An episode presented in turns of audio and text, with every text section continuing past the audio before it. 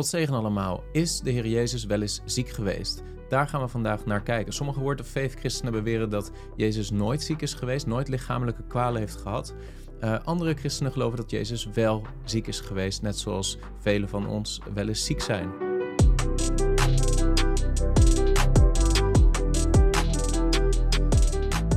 Ik ga gelijk met de deur in huis vallen. Mijn antwoord op deze vraag is dat Jezus wel eens ziek is geweest en nog steeds wel eens ziek is. En misschien verbaast je dat antwoord enigszins en vraag je je af waarom zegt Christus dat? Nou, wellicht denk je dat ik dat zeg op basis van de profetie in Jesaja 53. Want daar vinden we een schriftgedeelte wat weliswaar hier uh, betrekking op zou kunnen hebben. Daar lezen we in Jesaja 53 vanaf vers 2. Want hij, en dat is een profetie over onze Heer Jezus, want hij is als een lood opgeschoten voor zijn aangezicht, als een wortel uit dorre aarde, gestalte of glorie had hij niet. Als wij hem aanzagen, was er geen gedaante dat we hem begeerd zouden hebben. Hij was veracht, de onwaardigste onder de mensen. En nu komt het, een man van smarten, bekend met ziekte.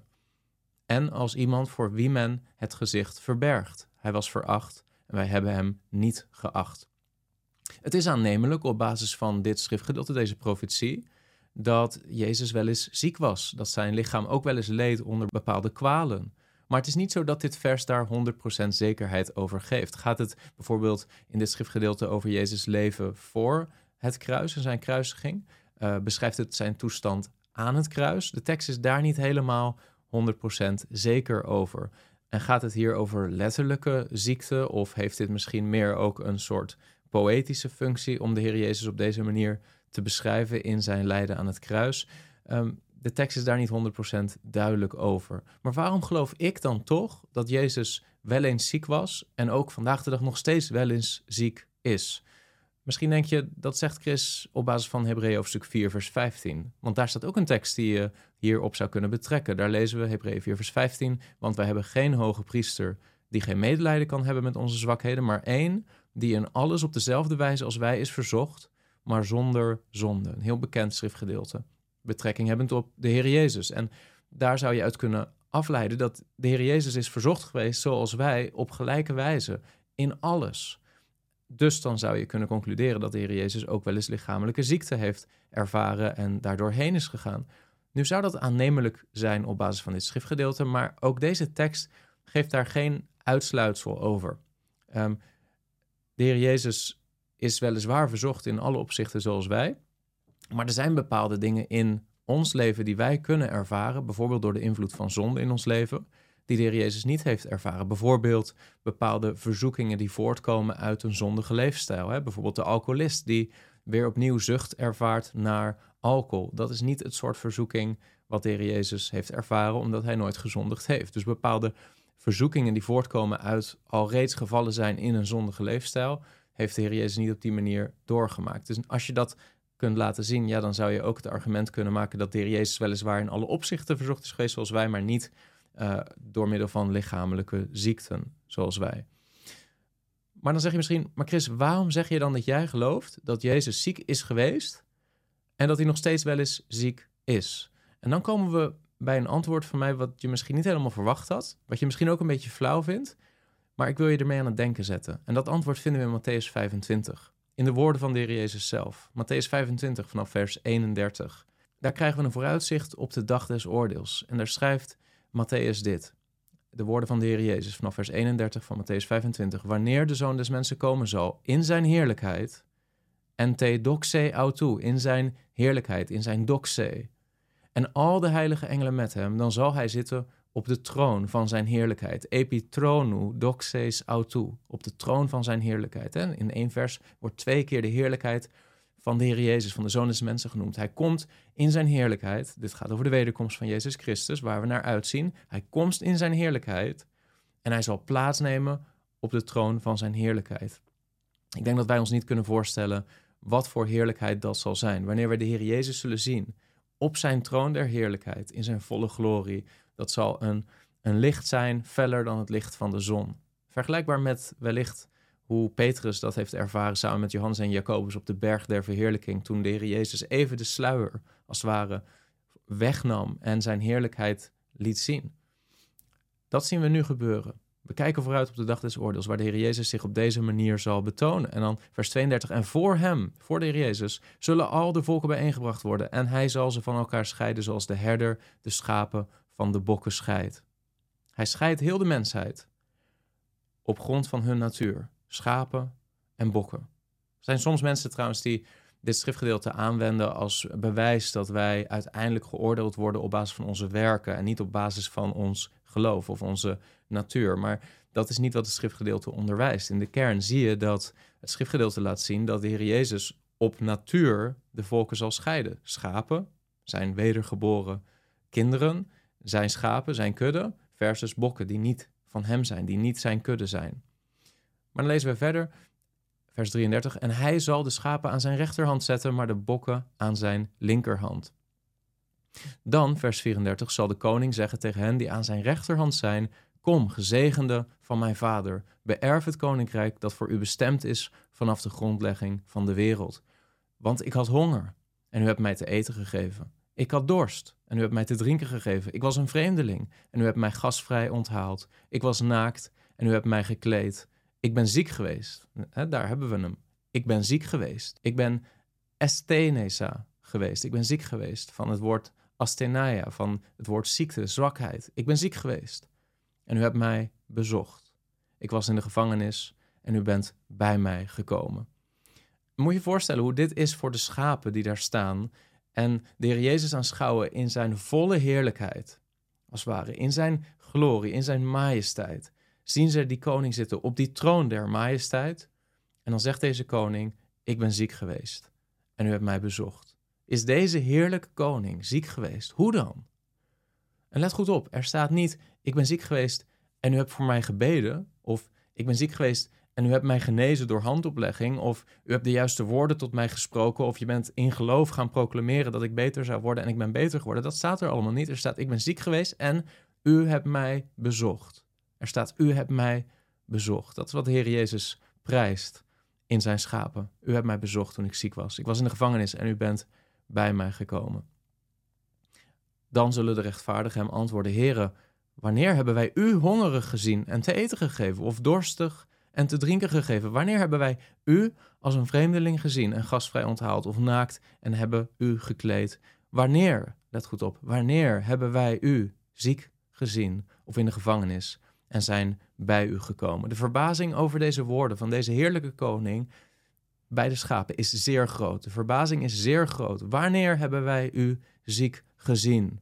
En dan lezen we vers 40. En de koning zal hun antwoorden: Voorwaar, ik zeg u, voor zover u dit voor een van deze geringste broeders van mij gedaan hebt, hebt u dat voor mij gedaan. En let in vers 40 op dat contrast. De koning, de heerlijke koning, zal hun antwoorden: Voorwaar, ik zeg u, voor zover u dit voor een van deze geringste broeders van mij gedaan hebt.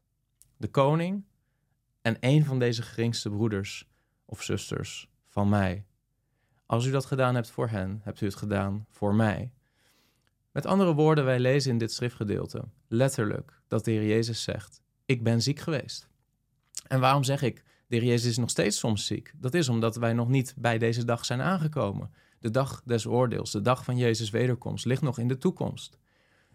Terwijl hier de Heer Jezus spreekt in verleden tijd, maar dan heeft hij het op de hele tijd, vanaf zijn bediening op aarde tot aan zijn wederkomst. En dat is de tijd waarin wij op dit moment leven.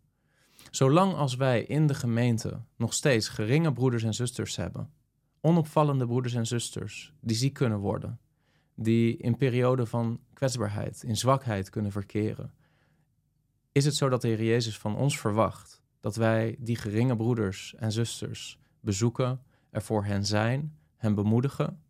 En als we dat doen, dan zegt de Heer Jezus, u hebt het voor mij gedaan. Ik ben ziek geweest, want een van die meest geringe broeders of zusters is ziek geweest. En u hebt mij bezocht door hen te bezoeken. En dat is een, een, een grote bemoediging. En misschien zeg je, Chris, dit is flauw. Dit is flauw wat je hier doet. Want de vraag was toch of dat de Heer Jezus wel eens ziek is geweest. En wij hadden verwacht dat je daar antwoord op zou geven. En weet je, de Bijbel geeft niet een 100% duidelijk antwoord of dat de Heer Jezus lichamelijk ziek is geweest tijdens zijn leven hier op aarde. Maar wat de Jezus hier zegt is: Ik ben ziek geweest. Waarom? Omdat een van die geringe broeders of zusters van mij ziek is geweest en soms nog steeds ziek is. En weet je, misschien dat zo'n video kijk je om ook een beetje je nieuwsgierigheid te bevredigen. Is het zo dat Jezus wel eens ziek was? Is het niet zo dat Jezus wel eens ziek was? Maar mijn punt is, en ik denk dat dat ook veel belangrijker is, hoe ga jij ermee om op het moment dat er iemand ziek is in de lokale gemeente? Een van die geringste broeders van de Heer Jezus ziek is. Bezoek jij die persoon? Ben je er voor die persoon? Steun je die persoon? En dan zegt de Heer Jezus: Als je dat doet voor die geringe broeder of zuster, dan doe je dat voor mij. En ik denk dat dat een veel belangrijkere boodschap is dan een stukje bevrediging op dat, op dat vraagstuk. Hè, vooral een intellectueel vraagstuk: was Jezus wel eens ziek? Wellicht was hij wel eens ziek. Misschien was hij nooit ziek. Het belangrijkste is dat de Jezus zegt: Ik ben nu wel eens ziek. Maar hoe ga je ermee om? Als een van die geringste broeders of zusters in de gemeente ziek is. En we zien dat er twee mogelijkheden zijn. De Jezus zegt tegen de schapen: Ik ben ziek geweest en u hebt mij bezocht. Zieken bezoeken, er zijn voor hen, hen steunen, meelijden met ze. Maar er is ook een andere groep, de bokken. En dan lezen we vanaf vers 41. Dan zal hij ook zeggen tegen hen die aan zijn linkerhand zijn: Ga weg van mij, vervloekte, in het eeuwige vuur dat voor de duivel en zijn engelen bestemd is. Want ik ben hongerig geweest en u hebt mij niet te eten gegeven. Ik ben dorstig geweest en u hebt mij niet te drinken gegeven. Ik was een vreemdeling en u hebt mij niet gastvrij onthaald. Naakt en u hebt mij niet gekleed. Ziek en in de gevangenis en u hebt mij niet bezocht. U hebt mij niet bezocht toen ik ziek was. Dan zullen ook die hem antwoorden: Heren, wanneer hebben wij u hongerig gezien, of dorstig en als een vreemdeling, of naakt of ziek of in de gevangenis, en hebben u niet gediend? Dan zal hij hun antwoorden: Voorwaar, ik zeg u, voor zover u dit voor een van deze geringsten niet gedaan hebt, hebt u het ook niet voor mij gedaan. En deze zullen gaan in de eeuwige straf, maar de rechtvaardigen in het eeuwige leven. En dit schriftgedeelte is denk ik niet zozeer een schriftgedeelte wat ons wil leren dat wij op basis van onze werken gerechtvaardigd zullen worden, maar wel een schriftgedeelte wat laat zien dat een nieuwe natuur bij wedergeboorte, wanneer wij een schapen worden door wedergeboorte, dat onze natuur er ook toe zal leiden, die verandering van onze natuur, dat wij werken zullen produceren die vanuit de genade van God voortgebracht worden. Een veranderd leven, een leven waarin we de Heer Jezus en zijn naam gaan liefhebben. En die liefde moet zich uiten in een liefde richting broeders en zusters in de gemeente en hen dienen. En door hen te dienen, en dat lezen we overigens ook in Hebreeën over succes. U hebt de, mijn naam, de naam van de Heer, lief gehad door de heilige te dienen. En u dient ze nog steeds. Dat lezen we in Hebreeën over succes ergens in dat hoofdstukje. Je kunt het nalezen. Maar door de geringste mensen in de gemeente, broeders en zusters, te dienen. Wanneer ze honger hebben, dorst hebben, ziek zijn, in de gevangenis zitten, et cetera, et cetera. Dienen wij onze Heer Jezus Christus zelf. Ik hoop dat deze video je wat aan het denken heeft gezet. Dat was mijn doel. Ik hoop dat het je bemoedigt dat je niet per se een gaaf hoeft te hebben om te prediken of te zingen of in een band te spelen. Maar dat, sterker nog, de Heer Jezus verwijst daar helemaal niet naar in dit gedeelte met betrekking tot de dag des oordeels. Nee, wat de Heer Jezus wel van ons verwacht is dat wij ons ontfermen over mensen om ons heen die het moeilijk hebben. Mensen in de gemeente die worstelen met ziekte. En de Heer Jezus zegt nogmaals niet, ga naar ze toe en drijf die ziekte uit of genezen of um, doe wonderlijke dingen. Er wordt niet zoveel van ons verwacht, behalve dit. Bezoek ze. Wees er voor ze. Sta naast ze. Ik hoop dat deze video je aan het denken heeft gezet en je bemoedigd heeft om dat ook te doen. En misschien is het wel een bijzondere roeping in jouw leven om zieken te bezoeken in de gemeente. Ik weet het niet. Maar het is een zeer nobele taak, want zover je dat doet voor broeders en zusters, misschien de geringste, doe je het voor onze Heer Jezus Christus zelf. God zegen. Ik hoop dat deze video nuttig was voor jou. Als dat zo is, druk dan op like. En wil je vaker dit soort apologetische en soms ook bemoedigende, confronterende video's zien, abonneer je dan op dit kanaal. Tot de volgende keer.